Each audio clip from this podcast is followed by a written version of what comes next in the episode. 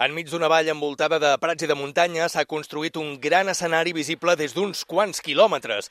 El Cerdanya Music Festival aterra al Pirineu amb un format gens habitual en aquesta zona, un certamen dimensionat per als turistes i visitants de segona residència. All right, all right.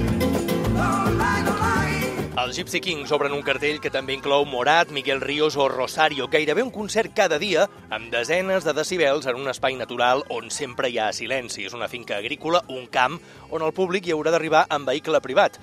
A la comarca hi ha una barreja d'expectació i escepticisme. La presidenta dels hotelers, Núria Vidal, hauria preferit una altra època per un certamen com aquest. Estem, estem d'acord amb que s'organitzin.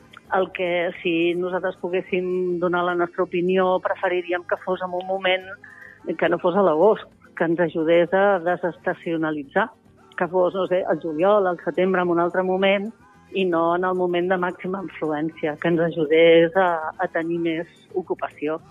El recinte obrirà portes dues hores i mitja abans de cada concert perquè el públic tingui temps d'arribar pels camins de la zona i aparcar a un camp que s'ha condicionat expressament.